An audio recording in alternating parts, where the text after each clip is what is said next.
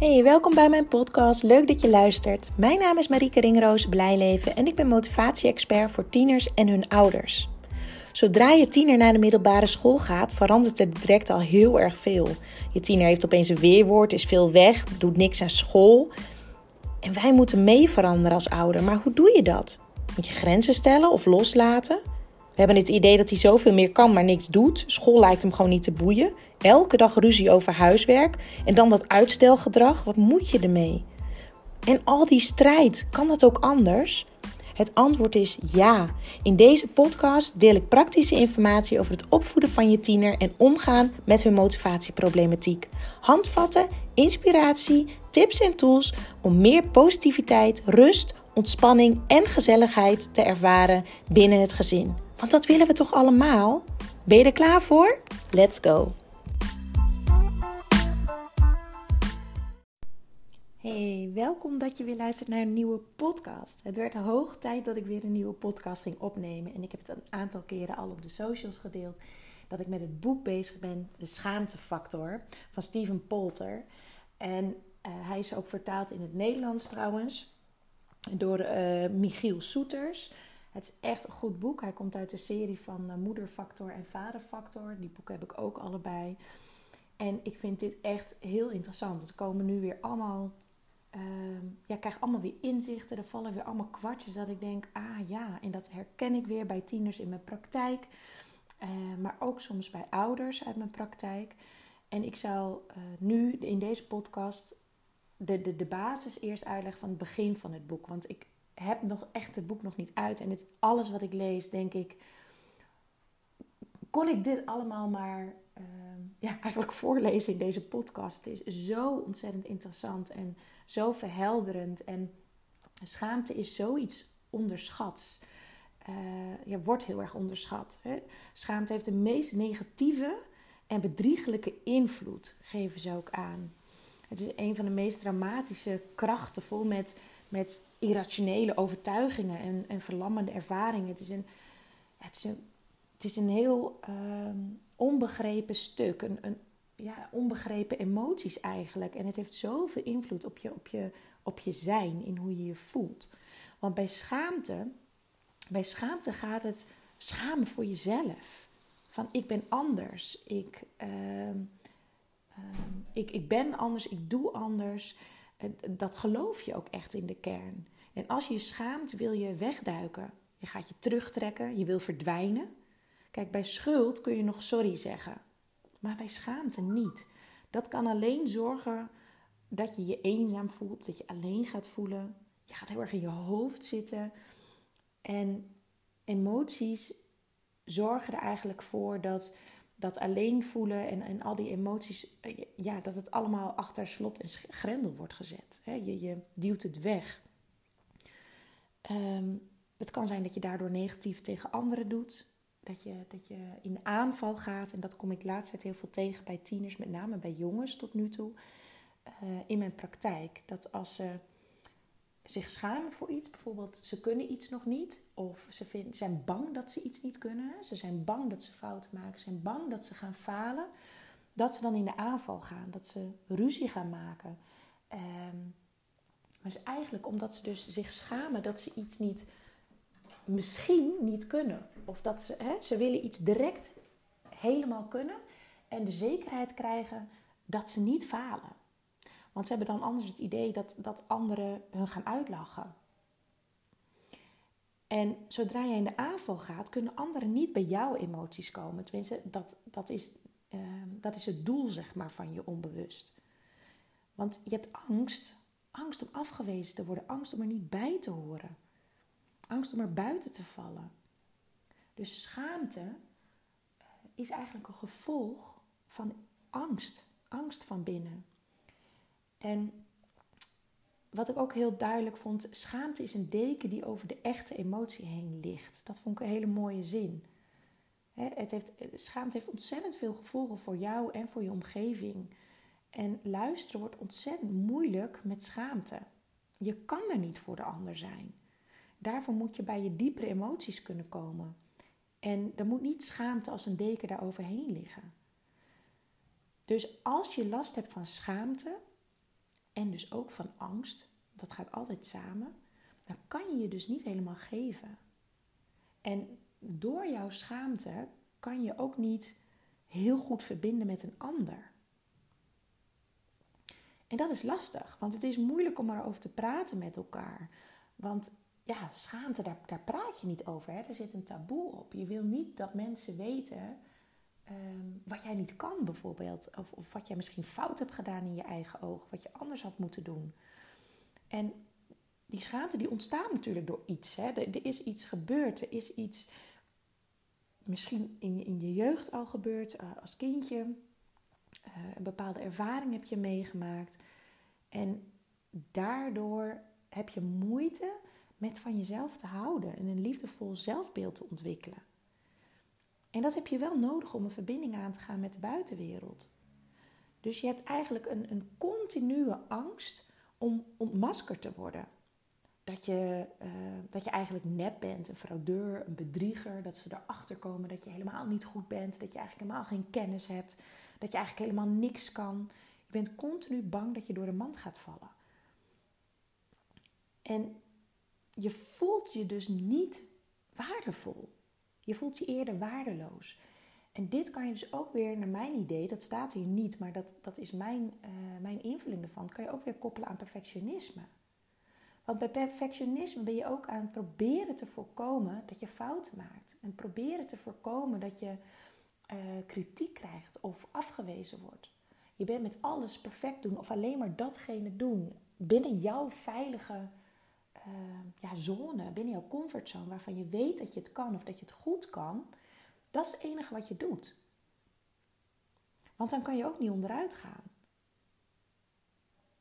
En dan leg je dus eigenlijk het geluk um, van jezelf, leg je in de handen van een ander. Want je leeft uiteindelijk op applaus van buitenaf.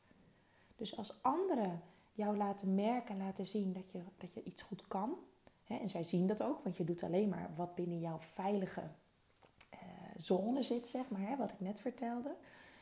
Um, dan voel jij je oké. Maar zodra het risico uh, komt dat je, dat je een fout kan maken of dat je iets niet direct kan, dan ben je bang dat je door de mand valt. En dat mensen jou zien als minder of slecht, of dat ze erachter komen dat je helemaal niet zo goed bent of waardevol bent. En dat wil je voorkomen.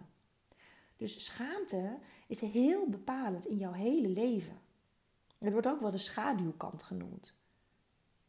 Het, het, het, stuk wat je wegduwt, wat je eigenlijk niet wil, het, stuk van jou als persoon wat je eigenlijk niet wil hebben. Um, en het gevoel van schaamte zorgt ervoor dat je deze zaken niet wil aangaan, dat je ze niet wil onderzoeken. Je duwt ze liever weg, ze als, zodat ze er niet lijken te zijn. En dit verbergen van delen van jezelf, die zorgt er weer voor dat je een, een valse zelf hebt. Dus dat is een, naar mijn idee, een overlevingsmechanisme.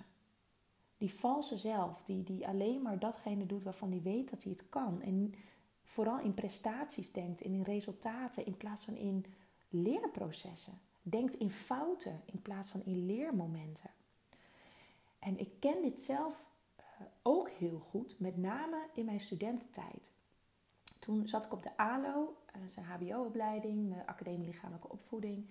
Moest je veel opdrachten doen, ehm, verslagen maken. Nou, die waren bij mij altijd perfect. Ik zorgde altijd dat, dat ik daar geen kritiek op kon krijgen. Dat is echt perfectionisme. En op den duur had ik mijn diploma en was ik, uh, ging ik aan het werk. En dan kon je studiedagen volgen om uh, ja, nog nieuw, weer nieuwe dingen te leren en je te ontwikkelen als, als docent lichamelijke opvoeding. Maar ik ging daar alleen heen als ik zeker wist dat ik geen dingen hoefde te doen waarvan ik dacht dat ik ze niet kon, zoals bepaalde balsporten. Ik was altijd een, een turnster uh, met atletiek, dat soort zaken en geen balsporten. En als er dan wel balsporten waren, of één of twee, dan deed ik alsof ik geblesseerd was ik ging het niet aan, want dan zouden ze zien dat ik dat helemaal niet kon. En dan zou ik de slechtste zijn en dan zou ik onderuit gaan en bla bla bla. Dus ik herken dat zelf ook van vroeger. Ik heb het gelukkig helemaal niet meer. Ik heb echt geleerd om nu in een groeimindset te denken. En vooral te denken, ja, elke dag kan je beter worden in wat dan ook. elke dag word je een stukje beter dan vandaag of dan gisteren. Je blijft je ontwikkelen. Dus die valse zelf is eigenlijk om jezelf te beschermen. Maar je belemmert ook je eigen ontwikkeling.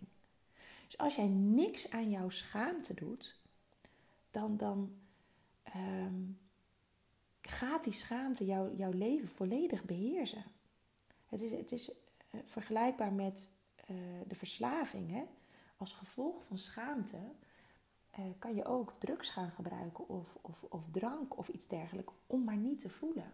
Het is wegstoppen van je werkelijke emotie en angst. Nou, ze schrijven er zijn vijf emotionele elementen van schaamte. De eerste is uh, schaamte is een emotionele kanker van je hart en ziel. Het verspreidt en het is een, een hele ja, intense emotie. De tweede is het grote geheim van schaamte. De derde, schaamte is een kluis in jezelf, niet buiten jezelf. Dus je moet in jezelf iets oplossen. De oplossing ligt niet in jouw buitenwereld. Vier, de chronische angst dat je niet goed genoeg bent.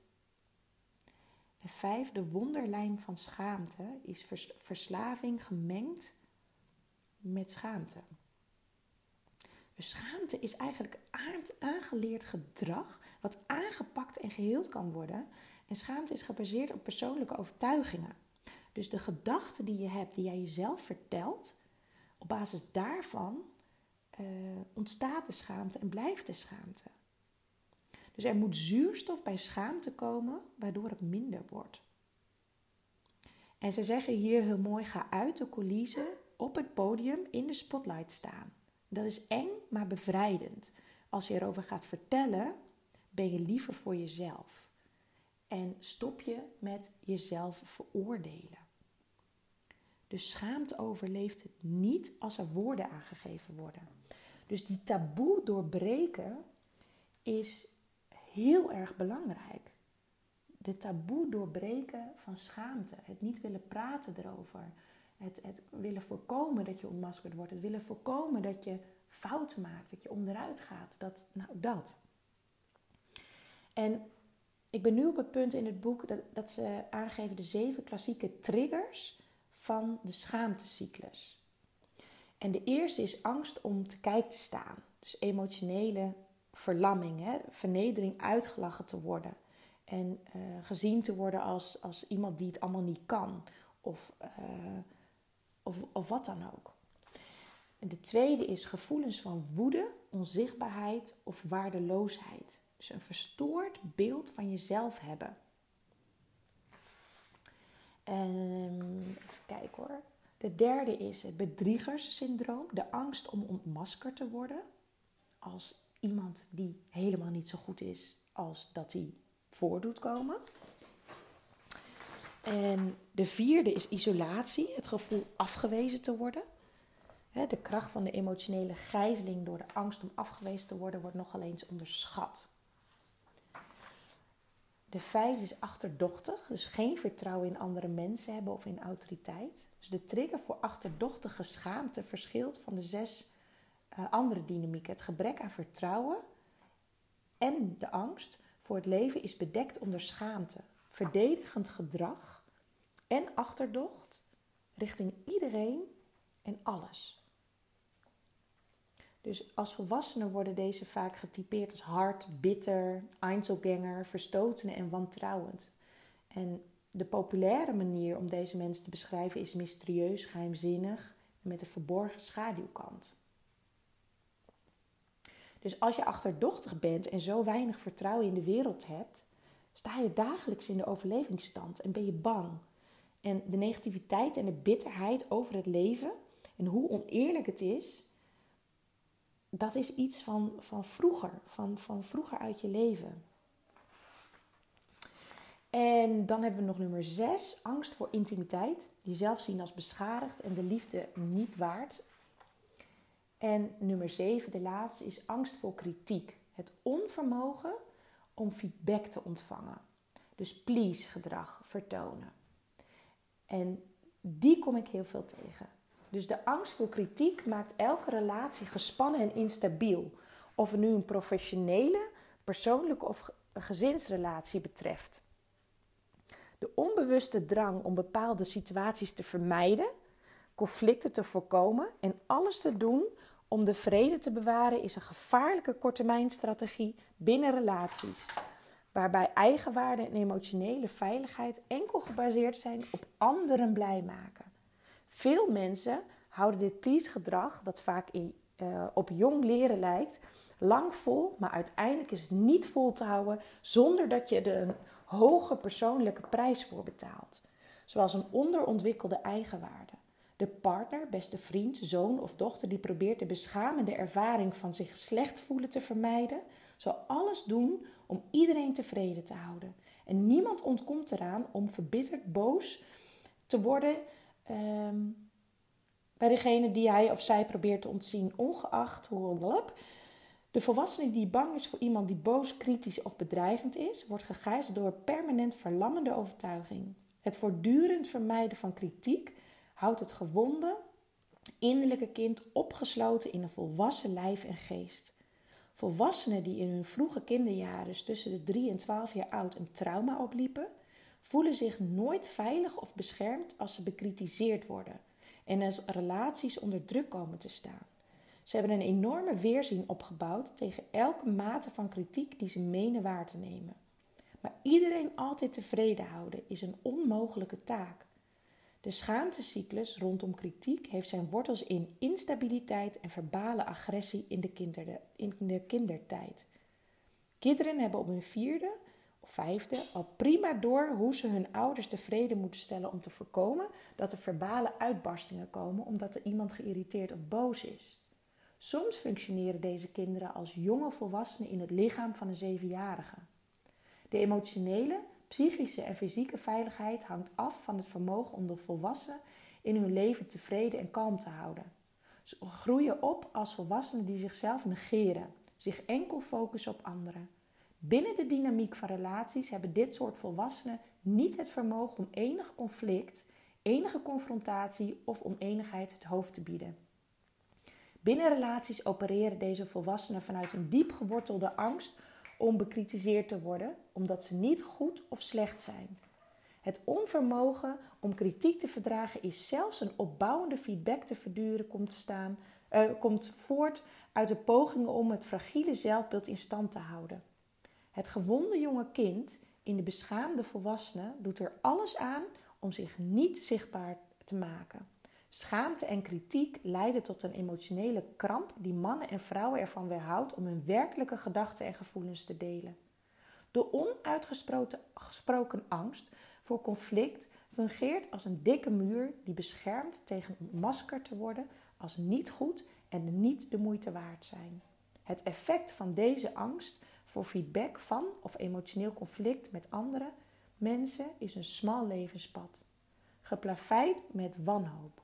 Deze vorm van gedrag in relaties wordt ook wel codependentie of overafhankelijkheid genoemd. En die overafhankelijkheid, dat is dus eigenlijk wat ik zei, ja, je legt het geluk in de handen van een ander. dus het is, het is een, een ingewikkelde situatie die al uh, verder teruggaat in de jeugd. En um, ja, dit, dit is eigenlijk de eerste basis wat ik in deze podcast wil delen. Om jullie bewust te laten worden hoe groot de impact kan zijn van schaamte. Dus als iemand heel erg perfectionistisch is, of snel op zijn tenen is getrapt, of hard is en bitter, of, of hè, die, die zaken allemaal, dan is de kans dus heel groot dat daar angst onder zit. En gevolg van die angst om afgewezen te worden, niet goed genoeg te zijn, om, angst om ontmaskerd te worden, komt er schaamte.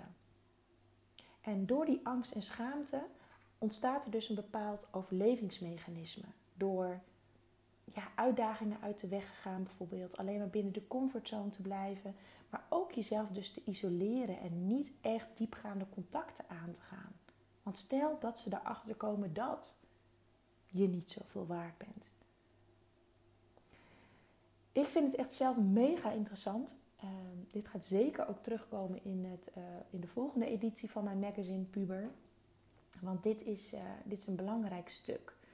Dus ik ga eens even kijken wat ik hiermee kan. En ik ben nog niet eens halverwege het boek. Dus dit is slechts de eerste podcast, de eerste ja, basis ervan om, uh, ja, om uit te leggen hoe schaamte in elkaar zit. Dus ik ben benieuwd wat je hiervan vond. Laat het me gerust weten. Um, ik ga er heel erg van aan, dus ik vind het heel leuk om, om te horen of jullie ook dingen herkennen, misschien van jezelf of van je partner of van je tiener. Of misschien wel van allemaal, dat kan natuurlijk ook. Oké, ik laat me hierbij. Ik zie jullie of spreek of jullie horen mij snel weer. Doei doei!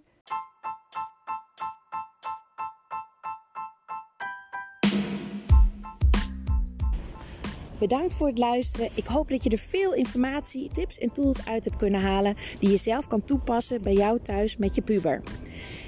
Hoe tof zou het zijn als het lukt om landelijk het aantal onnodige zakkers, dublanten en afstromers terug te dringen? Wil je meehelpen? Deel dan mijn podcast zo vaak mogelijk op social media of mijn berichten en tag mij erin, want ik vind het super tof om te weten wie er luistert naar mijn podcast en wie mijn berichten bekijkt. Ken je een moeder of een vader of een docent die deze informatie ook kan gebruiken? Deel het, want zo zorgen we ervoor dat heel Nederland positiever in de puberteit wordt. Yes, dankjewel.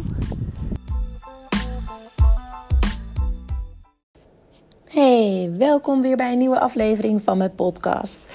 Ik dacht, het is weer eens tijd om een podcast op te nemen. En ik moet eigenlijk weer een beetje regelmaat vinden in het opnemen van een podcast. Want sinds ik het drie keer per week opnemen los heb gelaten, zit er echt helemaal geen ritme meer in uh, wanneer ik een podcast opneem.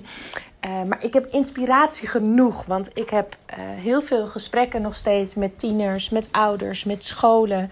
En um, wat ik onder andere nu heel erg zie, het, is het, zijn de laatste weken van het schooljaar. Uh, eigenlijk voor alle regio's wel. regio Midden is, is zo goed als klaar. Die zit in de laatste dagen van, van hun laatste toetsweek. Um, dat iedereen een beetje worstelt met, ja jeetje, hoe krijg ik mijn puber nou nog in beweging? En dat verschilt van, ja, mijn tiener weet sowieso al dat hij overgaat. Dus ja, als hij nou nog allemaal onvoldoende scoort op zijn toetsweek, maakt eigenlijk niet uit. Dus wat is het nut van de toetsweek? Of ja, mijn tiener weet toch al dat hij het niet meer redt. Dus ja, wat heeft het nog voor zin om hard te gaan werken terwijl je weet dat je het allemaal nog een keer moet doen of dat je naar een ander niveau gaat? Dus ja, wat is het nut er nog van?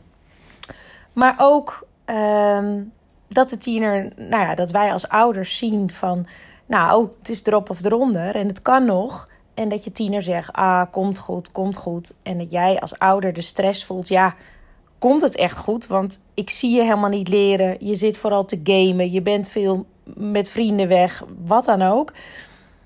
En dat jij je eigenlijk meer druk maakt om die toetsweek dan je tiener. Hoe ga je daar nou mee om? En die is ook lastig. En het is niet zo dat ik een gouden tip heb om dit allemaal aan te pakken en dit op te lossen. Als ik een tip zou moeten geven, dan zou ik vooral uh, zeggen: blijf bewust van het feit dat jij je tiener kan begeleiden, maar je kan niet bepalen wat hij wel en niet doet. Wat ik bijvoorbeeld uh, thuis ook heel erg merk aan mijn oudste zoon, die zit nu ook in zijn laatste toetsweek. Die is, gewoon, die is gewoon een beetje klaar met het jaar. Het is gewoon, die is toe aan vakantie. Het, het, nou ja, op mij komt het over dat het hem allemaal niet meer zoveel uitmaakt. En um, dan kan je daar heel erg over druk maken. Hè? En dan kan je nog heel erg willen helpen met het overhoren en met, met ja, uh, de grammatica erin stampen van, van, uh, van de talen bijvoorbeeld. Maar als het hoofd vol is, is het vol. En dan nemen ze niks meer op. En voorkom alsjeblieft dat er continu strijd is over school, school, school. Die tieners geven zo vaak aan in gesprekken dat ze het gevoel hebben dat hun ouders maar één ding belangrijk vinden en dat zijn hun resultaten. Hun schoolwerk, hun niveau. Dat is niet zo, maar zo ervaren ze het. Omdat zodra ze hun ouders zien, hebben ze het gevoel dat ze over school beginnen. En dat kunnen wij wel anders zien als ouders. Hè? Want zeggen, nou, wat een onzin. En ik kom ook heel vaak nog eventjes naar boven om, weet ik veel, kopje thee te brengen. Of even een praatje tussendoor. Maar dat is wat de tieners opslaan. Dus mijn tip zou zijn, vraag vooral, joh, kan ik je nog ergens mee helpen? Uh, ik zie dat er nog een paar toetsen aankomen. Hoe heb je dat bedacht? Hoe kijk jij daar tegenaan? Uh, welke vind je moeilijk? Welke denk je van nou, die lukken wel? Voor welke vakken heb je het idee, nou, die, voor die moet ik nog even knallen, want dat moet ik nog even ophalen, dat cijfer. Stel open vragen. En voorkom triggers die zorgen voor strijd. Dus voorkom het zeggen, nou, zit je alweer te gamen? Volgens mij heb je een toetsweek. Of heb je nou al wat gedaan? Ik heb hier nog helemaal niks zitten doen. Zie je, je kent het nog helemaal niet. Voorkom dat soort uitspraken. Voorkom die negativiteit. De basis is het positieve contact. Laat je tiener merken dat het jou om de persoon gaat, om je kind gaat, dat je wilt dat het goed met hem gaat. En tuurlijk vind je school ook belangrijk. Maar het belangrijkste is en blijft dat het goed gaat met je kind. En je kan best aangeven, joh, ik zie je helemaal niet zoveel leren. En ik heb het idee dat ik me meer druk maak op school dan jij. Hoe zie jij dat? Hè? Maak er af en toe ook maar gewoon een grapje over. Hoe luchtiger je het houdt, hoe uh, meer contact je krijgt, hoe meer je uiteindelijk nog tot je tiener doordringt.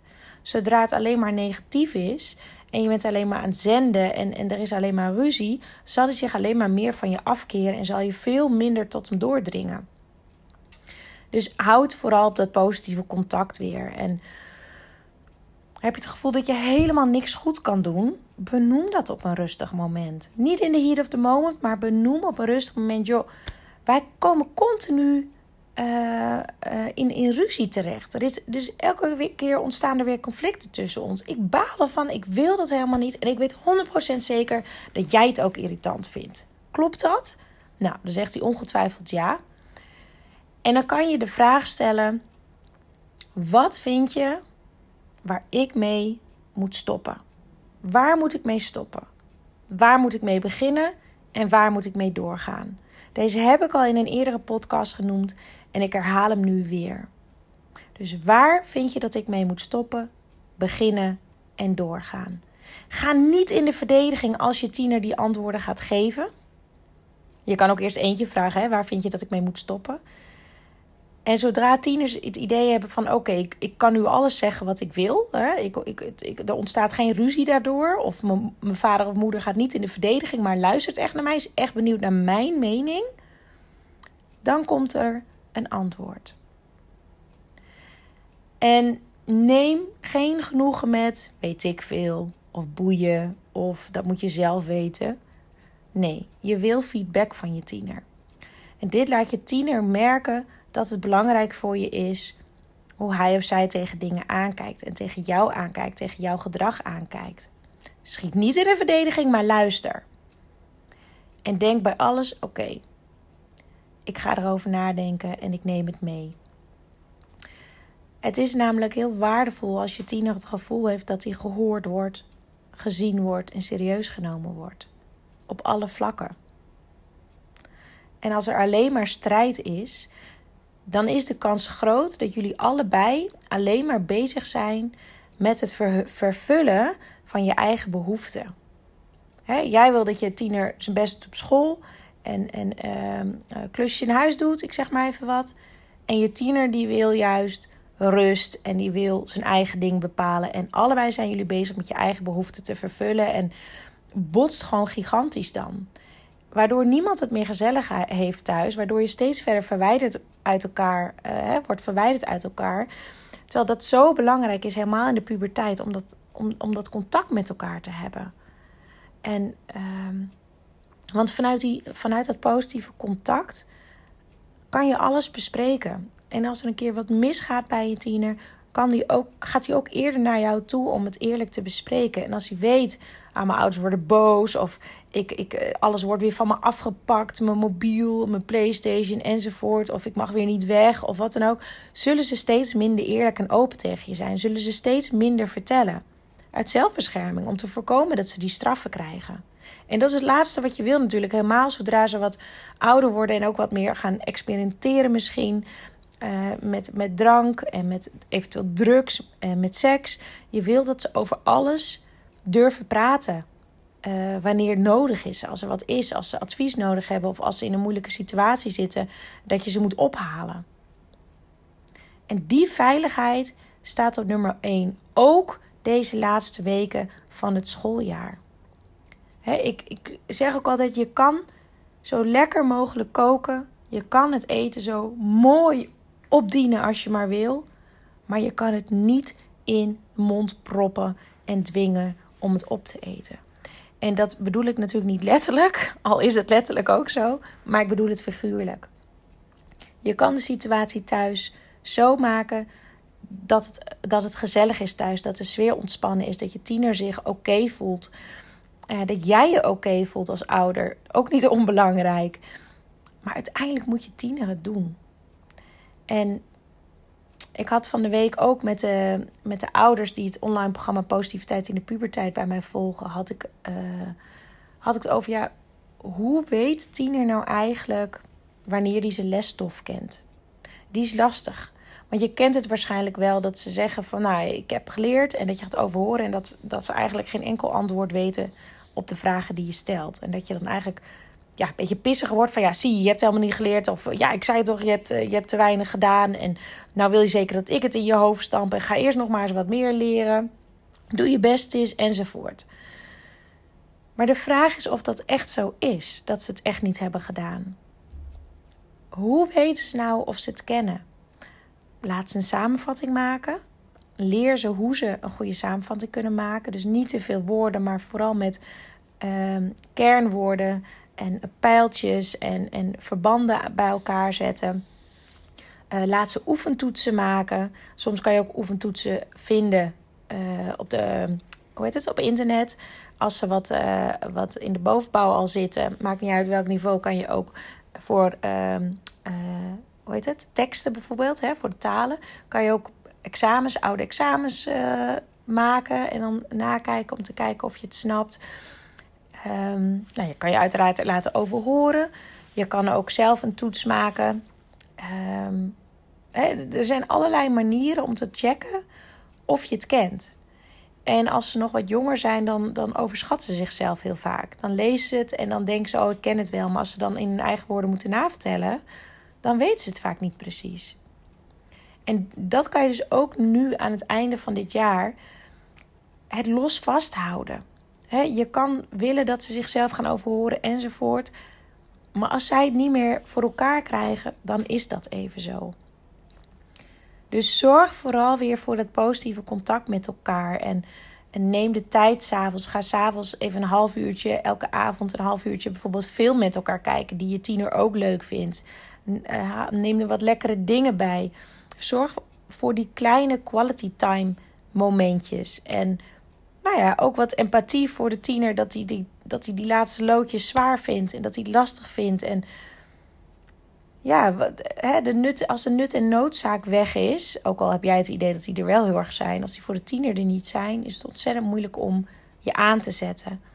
Ik heb vandaag ook een, uh, een post gedeeld, een reel, met dat de, het, het opruimen van je trapkast of je zolder of je schuur als je dat doet, of je stelt het misschien wel steeds uit, dat gevoel kan je vergelijken met motivatieproblematiek. Als je dus het idee hebt van wow, waar moet ik beginnen? Het is zoveel, er komt geen eind aan. En ehm, dan doe je het maar niet. En uiteindelijk is het belangrijk om orde en overzicht te scheppen. Door op één A4 te zetten, bijvoorbeeld voor één toets, of als toetsweek is voor verschillende toetsen, op één A4'tje wat moet je voor die toets doen? Hoeveel is het? Wat zijn de onderwerpen? Waar gaat het over? En daarna beginnen. Begin gewoon, eens met te kijken waar de tekst over gaat. Lees eens een alinea. Lees eens de kopjes. Maak eens een samenvatting. Begin ergens. Action brings clarity. als je er tegenaan blijft hikken, Over het huiswerk, maar ook over het opruimen van die school, uh, school van die zolder, schuur of kast, dan kom je nooit verder. En daarom is het belangrijk om alles in kleine stukjes op te delen, zodat het behapbaar is en dat je succeservaringen krijgt. En elk stukje wat de tiener wel leert en tot zich neemt, is al meer dan helemaal niks. Want je kent het vast wel dat ze even goed bezig zijn en dat ze echt nog één paragraaf moeten van het hele hoofdstuk. En dat ze op zijn en dat ze stoppen. Dat je denkt: kom op, nog één paragraaf, dan ben je er. De toets is al morgen. Bedenk ook, alles wat ze nu al hebben gedaan, is mooi meegenomen. wees een beetje lief voor jezelf. Wees een beetje lief voor je tiener. Geef elkaar wat ruimte. En geef vooral aandacht aan de persoon. Dat is veel belangrijker dan uiteindelijk die cijfers. En ik had vorige week gaf ik workshops aan een groepje leerlingen die van de MAVO naar de HAVO doorstromen. Dus die hebben nu net examen gedaan voor MAVO 4. En uh, die gaan doorstromen naar HAVO 4. En er was één leerling, die had uh, de eerste en tweede klas had hij HAVO gedaan. En toen moest hij naar 3 MAVO omdat hij te weinig had gedaan. Um, en dus te veel, uh, of ja, gemiddeld niet hoog genoeg stond. Hij zei dat was zo'n klap. Sinds dat ik ben afgestroomd naar de MAVO, heb ik mijn hele mindset veranderd. Nu ga ik ervoor. En ik ga alles eruit halen wat, ik, wat erin zit. Want het is zo zonde dat ik toen te weinig heb gedaan. Ehm, ja, waardoor ik eigenlijk nu naar de MAVO moest. En hij zei ook tegen die andere tieners, die niet echt die motivatie voelden nog voor de HAVO.